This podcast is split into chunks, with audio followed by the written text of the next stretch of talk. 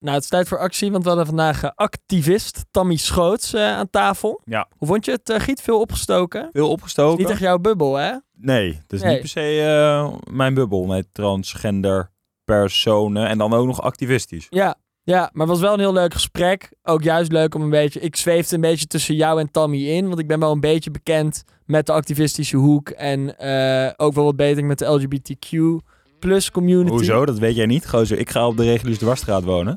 Ja. ik woon daar trouwens. nou, het gesprek zelf was in elk geval een stuk inhoudelijker dan deze intro. Dus eh, geniet ervan. Ja, en eh, oh ja, waar ik eh, Monopoly zeg, bedoel ik Playmobil.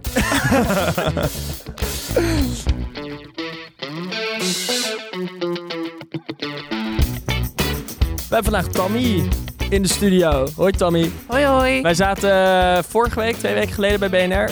Ja. De verkiezingsuitslag te, te duiden. Toen dacht jij, eh, wat een lul. En toen dacht ik, wat een leuk mens. En toen dacht- dus, dus nu zit je hier. Nou, je hebt wel een beetje een reputatie, hè, Simon?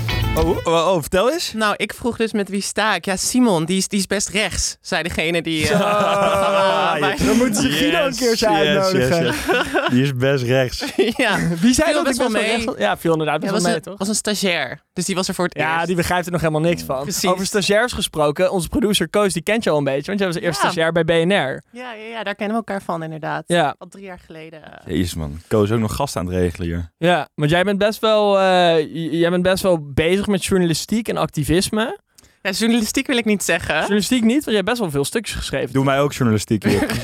Ja, nee dat, nee, dat is geen journalistiek. Onderzoeksprogramma is dit. Inderdaad, wij zijn het, ehm, het Zembla van, eh, van de twintigers. Dus de, de vraag is dan, wie is Clary Polak, toch? ik, eh, ik zou hem best willen beantwoorden, maar ik heb geen idee wie Clary Polak is. Oh my god, ik ben echt zo nerd. Ja.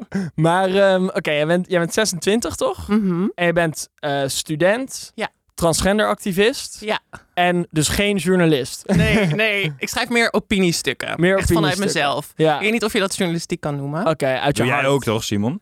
Nee, Noem maar je dat dan wel journalistiek? ik noem dat wel journalistiek. want Ik werk bij Zembla, dus dan moet je dat journalistiek Jouw mening is natuurlijk, heeft politieke nieuwswaarde. Ja, Dus dan is het journalistiek. heel soms inderdaad. Nee, maar eh Tammy, ik wil eerst even, ik ben eerst wel benieuwd, hoe vroeg begon dat activisme bij jou? Of die journalistieke interesse? Is dat, is dat de laatste jaren gekomen of was jij op school er al heel erg, eh, heel erg mee bezig? Nou ja, ik ga niet liegen. Ik ben wel een beetje een showpony. Dus eh, ik wil wel graag gezien worden. Eh, en dat activisme, dat transgenderactivisme is eigenlijk pas sinds een jaar. Maar ik deed eerst andere dingen. Dus in, eh, in de studentenraad, maar ook in het studentenactivisme. Ik ben naar heel veel protesten gegaan. Maar dat ging meer over eh, politieke en economische problemen. Over de huizenmarkt, de krapte daarop, het neoliberalisme. Ik was wel echt een activist daarin. En vorig jaar toen, ja, ik merkte gewoon in mijn leven, het lukte allemaal niet. Eh, ik kon geen, geen eh, betekenisvolle romantische connectie leggen. En ik dacht, waar komt dat nou aan? Eh, daar, waar ligt dat nou aan? En ik dacht, oh, misschien is er gewoon wel iets heel erg mis met me. Er komt op een gegeven moment iemand en die, zegt tegen me... Tammy, je bent eigenlijk gewoon heel erg lelijk. Of je adem stinkt. Of whatever.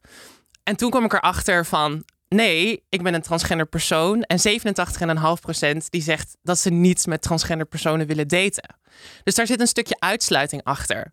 Eh, en toen dacht ik, ik ga me hier gewoon over uitspreken. Maar wist je dat toen, toen nog niet? Of jij wist het wel, maar iemand anders wees je erop? Hoe, sorry. Ja, nou, dat is een goede vraag. Eh, het was meer gewoon dat je eerst allerlei dingen gaat proberen. Je probeert te daten, het lukt maar niet. Je voelt dat er een soort afstand is. Je kan niet eerlijk zijn. Hè? Eh, zo voelt dat echt wel. Ja. Eh, en ik was niet uit de kast uit de kast. Dus nu staat het op het internet, iedereen weet het.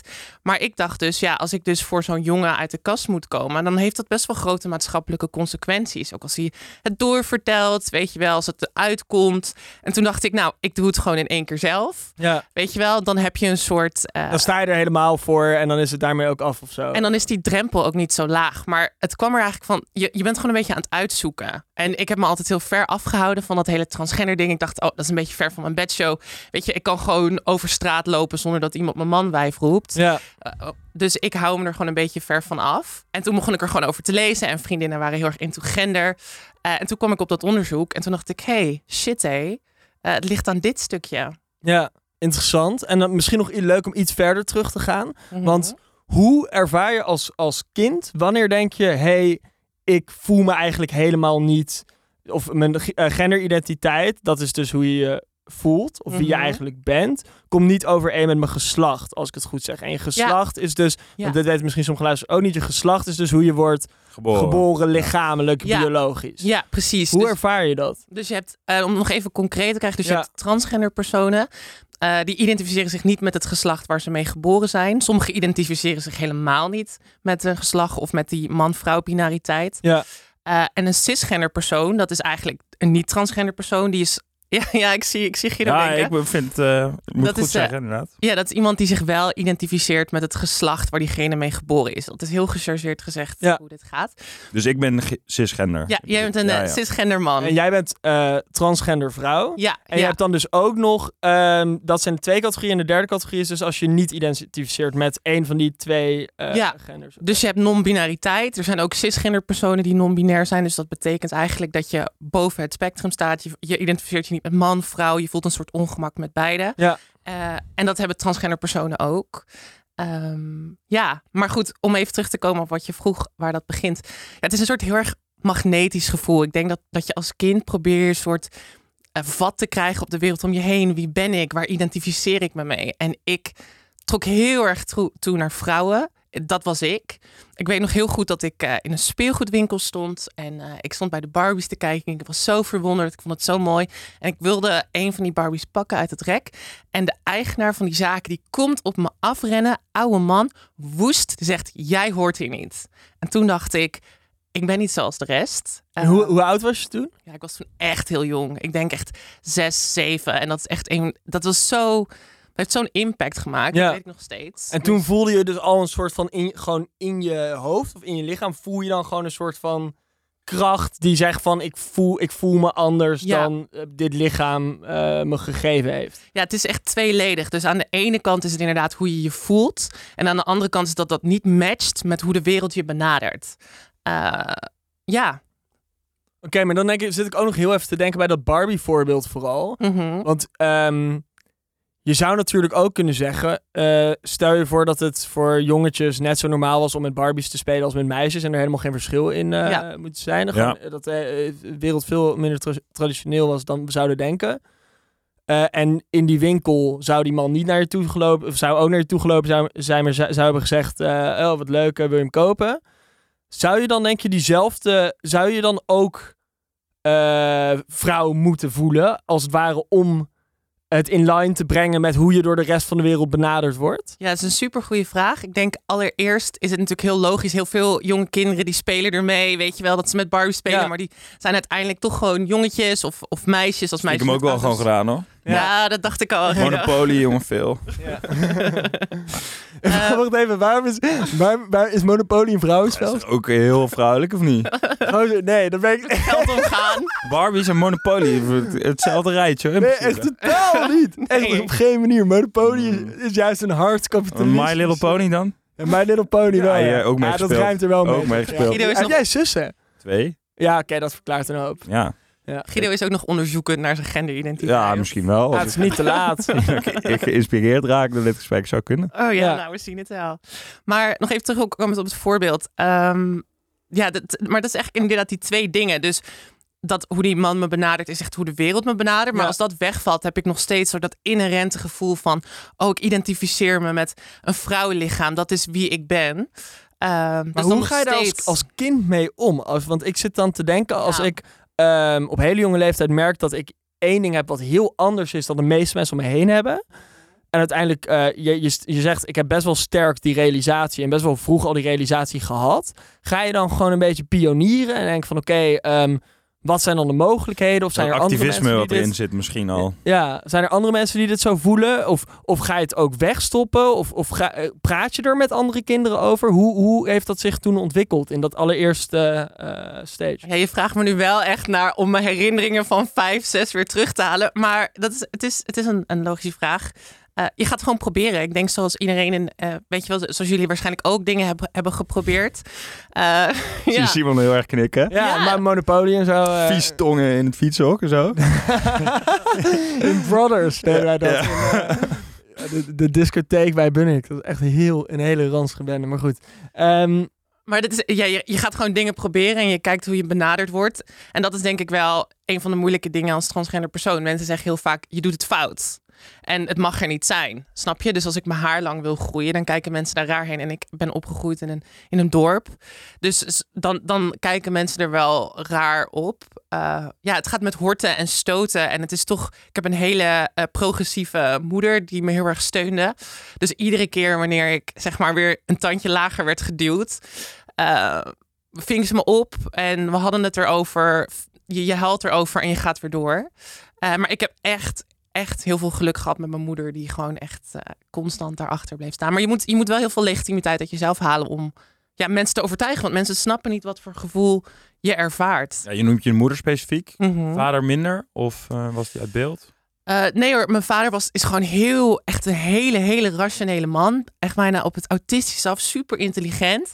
Dus hij uh, wachtte heel erg de medische verslagen af. En uh, wat nou? Guido, Guido, Guido, die zat, Guido die zat naar mij te kijken van een hele rationele man op het autistische af. Ik denk, ik ken nog iemand op het spectrum. die zit hier tegenover. Ja. Maar ga door, sorry. Ja, maar jij bent toch ook wel sociaal, toch? Als ja, maar mijn ex heeft me ook wel eens uh, rationeel tot op het autistische afgenoemd. Oh, toen, okay. ik, toen ik naar Engeland ging, zei ik namelijk ja, vier jaar lange afstand, dat kan gewoon uh, niet. Is niet Zij had er een heel bepaald romantisch beeld bij waarschijnlijk. Ja, en ik op zich ook wel. Maar ik, was, ik liet dat rationele wel overheersen. Zei, ja, ik ben echt een beetje, een beetje een autist. Maar, uh, en dat klopt misschien ook wel. Maar we gaan het niet over mij hebben. um, maar dat lijkt me wel heel fijn in elk geval dat... Um, als je het hebt over sociale kringen die je als kind hebt, dan staan je ouders denk ik nog wel het allerdichtst uh, bij je. Dat je daar wel die legitimiteit uit kan putten. Want ik kan me voorstellen dat heel veel mensen die je misschien nu ook spreekt als activist, mm -hmm. dat niet hebben gehad. En echt gewoon dachten, nee, uh, ik voel me raar en het gaat wel weer over of zo.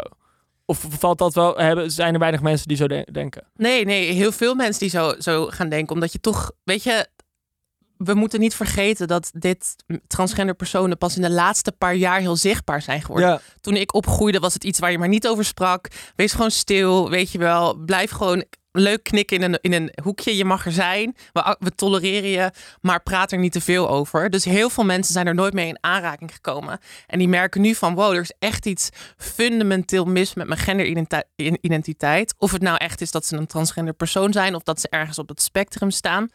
Uh, ja, er is gewoon veel meer bekend. Uh, ja. Hoe, gro hoe, groot is de groep transgender personen in Nederland eigenlijk? Ja, dat is 90.000 tot 310.000. En dat is... Dat is een flinke range wel. Uh... Ja, nou de reden dat het zo'n range is, is omdat hoe meet je een transgender persoon? Is ja. dat iemand die medisch in het paspoort uh, je geslacht heeft laten veranderen? Zijn het de mensen die een operatie zijn ondergaan? Zijn het de mensen die zich zo identificeren? Ja. Dus daardoor is de range heel groot. Dus als we het dan hebben over mensen die een geslachtsbevestigende operatie hebben gedaan, zitten we onderin. Dus rond de 90, 100 ik vind er best wel veel nog eigenlijk. Ja, dat is, dus, dat is dus ja. één op de uh, Twee keer de kuip. 200 mensen ongeveer is dat. Iets, iets meer dan dat. En, ik ben uh, niet zo rekenwonder. Maar tot 300.000 zei je? Ja, tot 310.000. Dat, dat is, is dus 1,7 procent of zo. Dat is best wel veel. Ja, het zijn heel veel mensen die spelen met hun gender. Het zijn drie zetels. Ja, dat... nou... ja. Wij zijn nog helemaal in de politiek, hè? Ja, leuk, leuk, dat je dat zegt. Want ik heb dit dus getweet voor, uh, voor de verkiezingen. Echt al een tijdje terug. Van, hoezo hebben wij geen drie transgender personen in de, in de Kamer? We hebben er inmiddels één. Lisa van Ginneken. Voor ja, van D66 inderdaad. Maar D66 ja, is heel toch. rechts, toch? Dus, uh... ja, nee, jij bent heel rechts. ja, ja, precies. Maar dat is wel dat. En waar komt die verschuiving, denk je, vandaan? Komt dat, is dat, uh, want ik denk wel eens, ik had er net ook met Koos over, over activisme gewoon even. Mhm. En er is best wel een grote groep uh, nou, van die gematigde D66-kiezers die dan denkt, zoals Koos, die denkt van, die denkt van oké, okay, um, activisme vind ik soms een beetje irritant of ongemakkelijk. Ja, maar het, het, het, het, zorgt uiteindelijk wel voor verandering. Denk jij dat het transgenderactivisme de drijvende kracht is achter dat die discussie zo is losgekomen? Of zijn dat andere maatschappelijke ontwikkelingen? Nee, ja, ik geloof wel erg in intersectionaliteit. Dus dat het over al die uh, lagen Dat woord kennen we. Ja, ja van, uh, ja, van ja, Kautar. ja. Ja, ja, ja, ik heb het geluisterd. Uh, dus het, waar, waar het voor mij echt begon was Me Too. Dat was echt, dat was echt een deuk. En dat heeft eigenlijk alle ja, mensen erachter, dus uh, die lager op de sociale ladder staan, ook een podium gegeven om er meer over te praten. En nu is het niet meer hè, hij is en zij. We gaan lekker aapjes kijken naar hoe iemand een transitie ondergaat. Ja. Maar nu kunnen we echt gesprekken vormen. Er is een soort gelijkwaardigheid. En dat heeft echt wel ruimte ook voor mijn activisme gecreëerd. Omdat ik denk waar mijn activisme heel erg over gaat, is legitimiteit van transgender personen. Daarom ook altijd de vraag: zou je met een transgender persoon daten? Want het Ja. daagt heel erg je eigen. Ehm, ja, want wat omvat die legitimiteit? ja, dus het gaat er inderdaad over. Wat bedoelen we eigenlijk als we zeggen: je bent gewoon een vrouw? Dan bedoelen we het leven van een cisgender vrouw. Dus hoe iemands leven is gegaan. Hè? Je wordt ongesteld, ja, ja, ja, al die kenmerken die daarbij horen. Maar dan hebben we het eigenlijk niet over de ervaringen van een transgender vrouw. Dus Ja. ik, ik heb een geslachtsbevestigende operatie gedaan. Ik ben in transitie gegaan. Waarom is dat geen onderdeel van vrouw zijn? Snap je wat ik bedoel? Ja. Dus dat dat net zo legitiem is als cisgender ervaringen. Maar dat eerste dat Simon aangeeft, dat is eigenlijk nog een stap verder, toch? Dus inderdaad, wat jij ook zegt, het daten met iemand. Of Ja. dat je ook door eh cisgender mannen dan als vrouw volwaardig wordt gezien. Nou ja, het heeft een andere impact. Dus ik denk die legitimiteit gaat heel erg over, over mij. Hè? Over hoe, en en ga je, met- zou je met een transgender persoon daten? Gaat heel erg over jullie. Denk Ja. dat jullie in principe, maar ik bedoel cisgender. Maar dat is- maar dat is zeg maar want het daagt je uit. Dat is niet eens acceptatie soort van, maar dat is nog vijf stappen verder. ja, bijna. denk je dat? Tenminste, voor, als ik voor mezelf eh, kijk. Ja, vind je het een hele controversiële heftige Nou ja, het- vraag? het- als, ik, als ik er eerlijk over ben, zeg maar, eh, zou ik eh, daar eigenlijk niet over nadenken. Maar meer Mhm. ook omdat ik ook eh, daarin weet van, kijk, ik wil kinderen en verder. Mhm.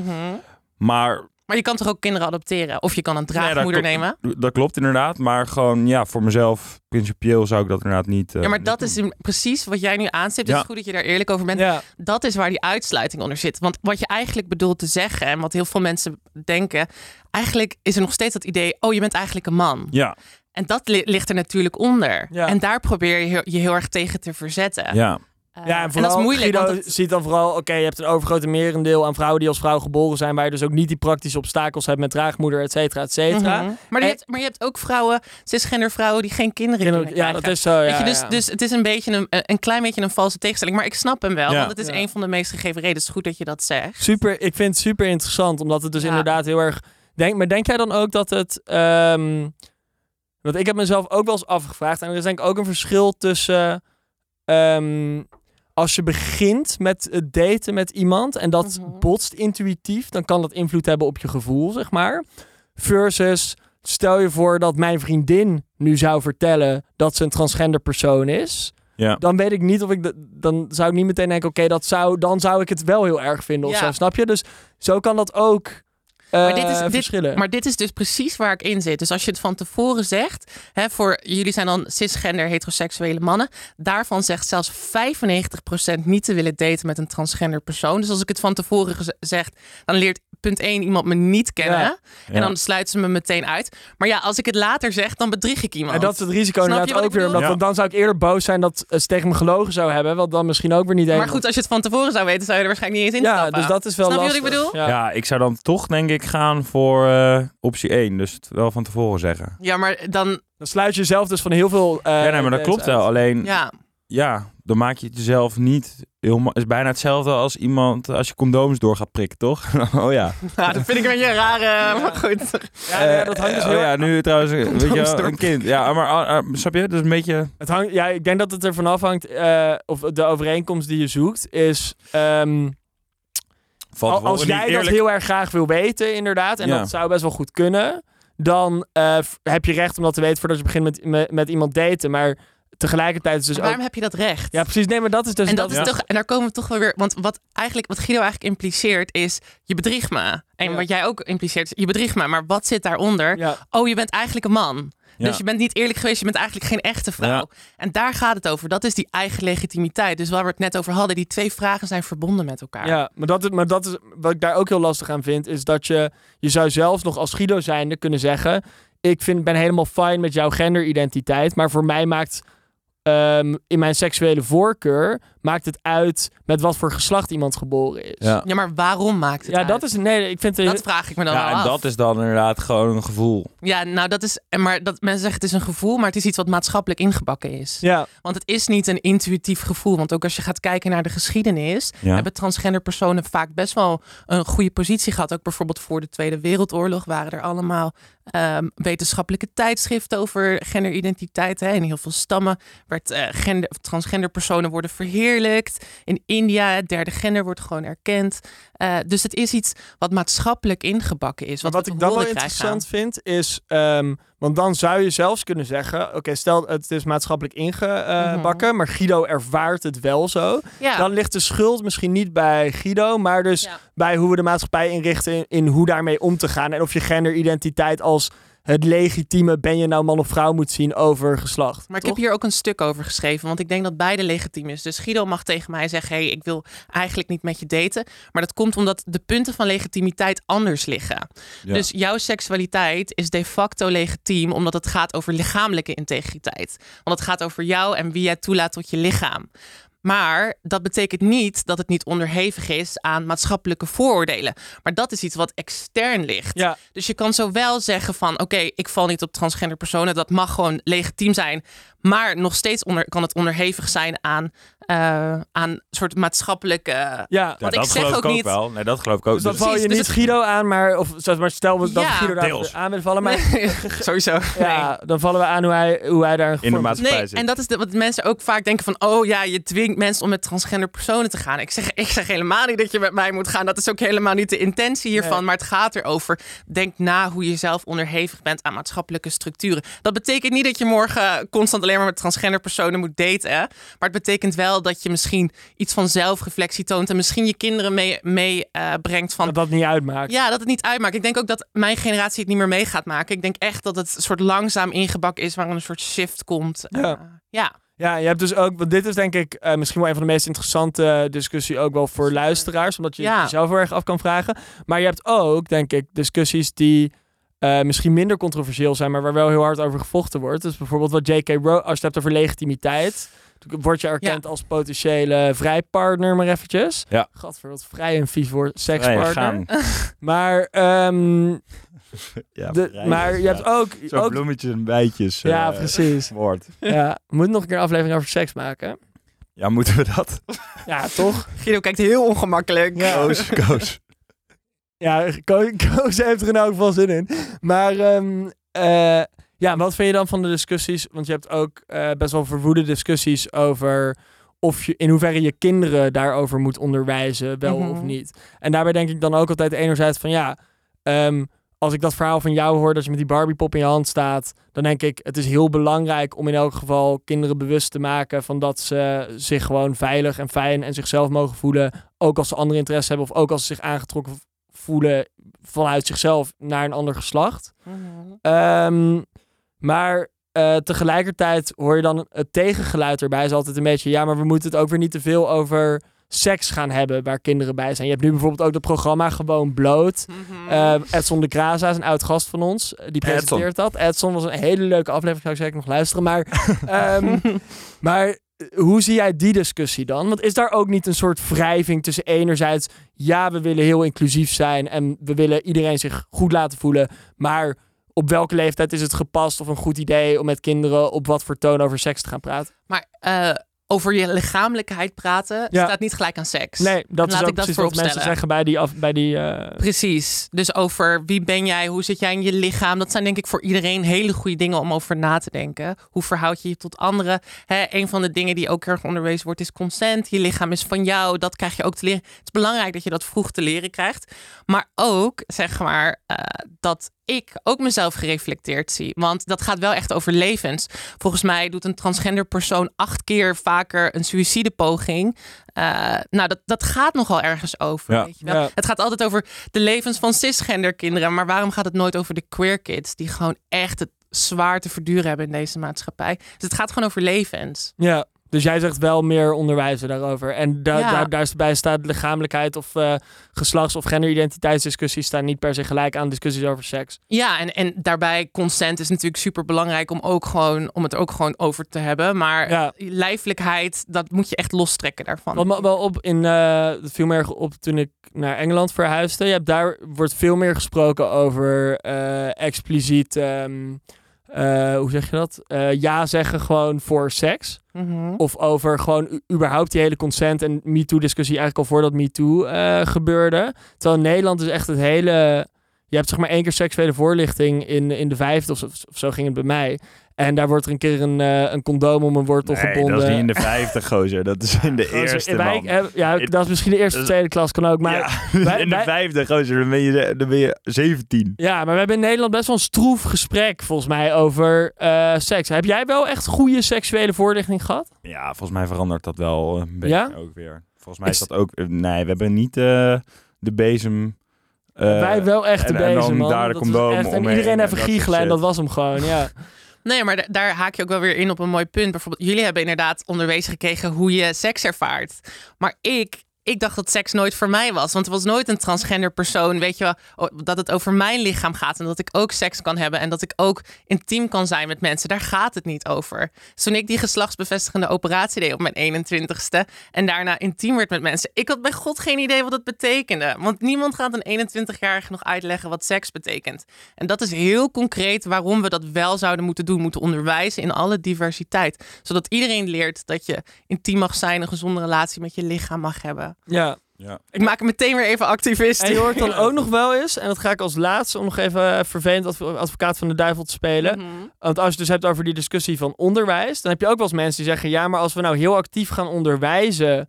Van oké, je kan ook tran- transpersoon zijn of weet ik veel wat. Dan zijn er misschien kinderen die die operatie ondergaan en er later spijt van krijgen. Hoe kijk je naar die discussie? Want ik, ik zie daar zeg maar wel een soort theoretische merit in. Ja. Dat zou inderdaad kunnen. Maar hoe weeg je dat op tegen... Nee, toch? Nou, ik ga er, ik ga, we gaan even naar de feiten kijken. Want Ja. tussen 1972 en 2015 is 0,5% heeft spijt gehad. Nou, dan hebben we het echt over heel weinig. En de helft van de mensen die spijt hadden, hadden spijt omdat ze zo bagger behandeld worden door de wereld. Ja. Dus dan heb je het misschien over één in de twee jaar die een foute keuze heeft gemaakt. Nou, dat is super kut. Dat is En- heel... Maar dat- het is ook zo'n, zo- volgens mij zo zo'n fundamenteel gevoel toch, dat er gewoon... Nee, eh, maar dat ben ik helemaal met je eens. Alleen ik wil heel veel in de context waarin die mensen die beslissing hebben gemaakt. We hadden het Aha. net over die context.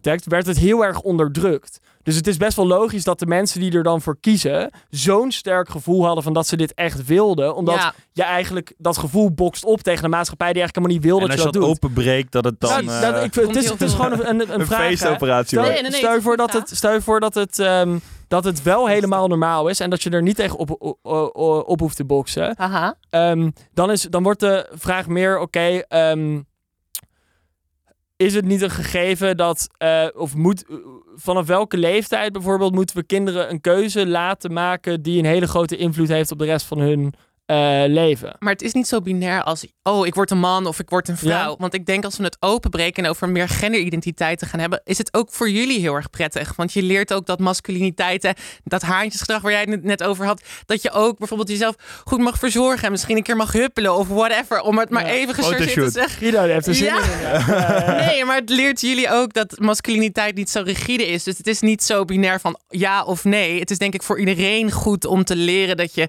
ergens in het spectrum mag staan waar jij je comfortabel bij voelt. Want het wordt nooit gezegd. Je krijgt niet een presenteerblaadje. Ben jij een man of een vrouw? Nee, Prima het is met meer. een theetje op de bank zitten Ja. af en toe. Oké, dus die discussie moet breder Je gevoerd bent zo worden. vrouwelijk, Guido. Een Dank je. beetje en Monopoly inderdaad. Maar dus het, die, die discussie moet veel breder gevoerd worden dan dat. Nee, maar die discussie is breder. En het wordt geframed alsof het alleen maar aan de, aan de zijkanten afspeelt waar ik bevind. En nu ben ik denk ik wel een extremer geval Ja. dan de meeste. Maar voor jullie is het denk ik ook goed om te weten dat masculiniteit niet super rigide is. Dat je niet altijd met je schouders omhoog en stoer Ja. hoeft te zijn. Maar dat je, dat je mag huilen, weet je wel. Dat, dat, dat, ik dat zie Guido bij meteen een traantje laten. Maar nog één keer, jongen. Want ik ben het helemaal met je eens. Ik vind het heel interessant. Alleen dat beantwoordt niet echt de vraag van ehm, hoe gaan we om met kinderen die zo'n hele levensingrijpende keuze. Zeg maar, als je het even wel voor de extreme hebt. Mhm.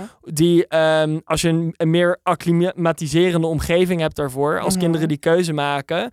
Zou dat percentage van mensen die er spijt van hebben dan wel of niet omhoog schieten? En hoe wegen we dat af tegen dat mensen die zich wel echt zo voelen? Nou, dat is wel goed dat je het zegt. En dat is misschien ook wel goed om een voordeel mee te nemen. Het is niet alsof je bij de VU aankomt kloppen en dat het dan is van... Nou, welkom, je mag meteen onder het mes. Weet je wel, zeker niet. Je moet jaren van psychologische onderzoeken ondergaan. Hè, bij mij, mijn ouders gingen scheiden, dus bij mij is het zelfs een stukje uitgesteld. Gewoon omdat ze dachten van, oh ja, dat kan effect hebben op dat je een verkeerde keuze maakt. Dus je gaat echt wel door een heel zwaar proces heen. Ja. Eh, en dan worden mensen eruit gefilterd. Eh, en ik denk ook een van de redenen dat mensen juist spijt hebben, is omdat ze niet weten dat ze op een andere kant kunnen stoppen. Zijn daar eh, cijfers van? Ja, maar dat zijn dus die cijfers inderdaad die ik net noemde. Nee, maar bedoel mensen die eruit worden gefilterd. hoeveel mensen er uiteindelijk niet mee doorgaan. Ja. En die, zijn, die zijn er wel, maar die, die weet ik niet. Nee, oké. Nee, maar oh my god, nu sla ik hier echt de flater als transgender Godverdomme, activist. ja. Ja, voor het niet. transgender activist. Ja. Oké, nou, wij gaan een rondje huppelen. Ik vond het heel leuk, Tammy. Ja, ja, Dankjewel. leuk en eh, ja, tof. Dankjewel, Tammy. Ja, dank jullie wel.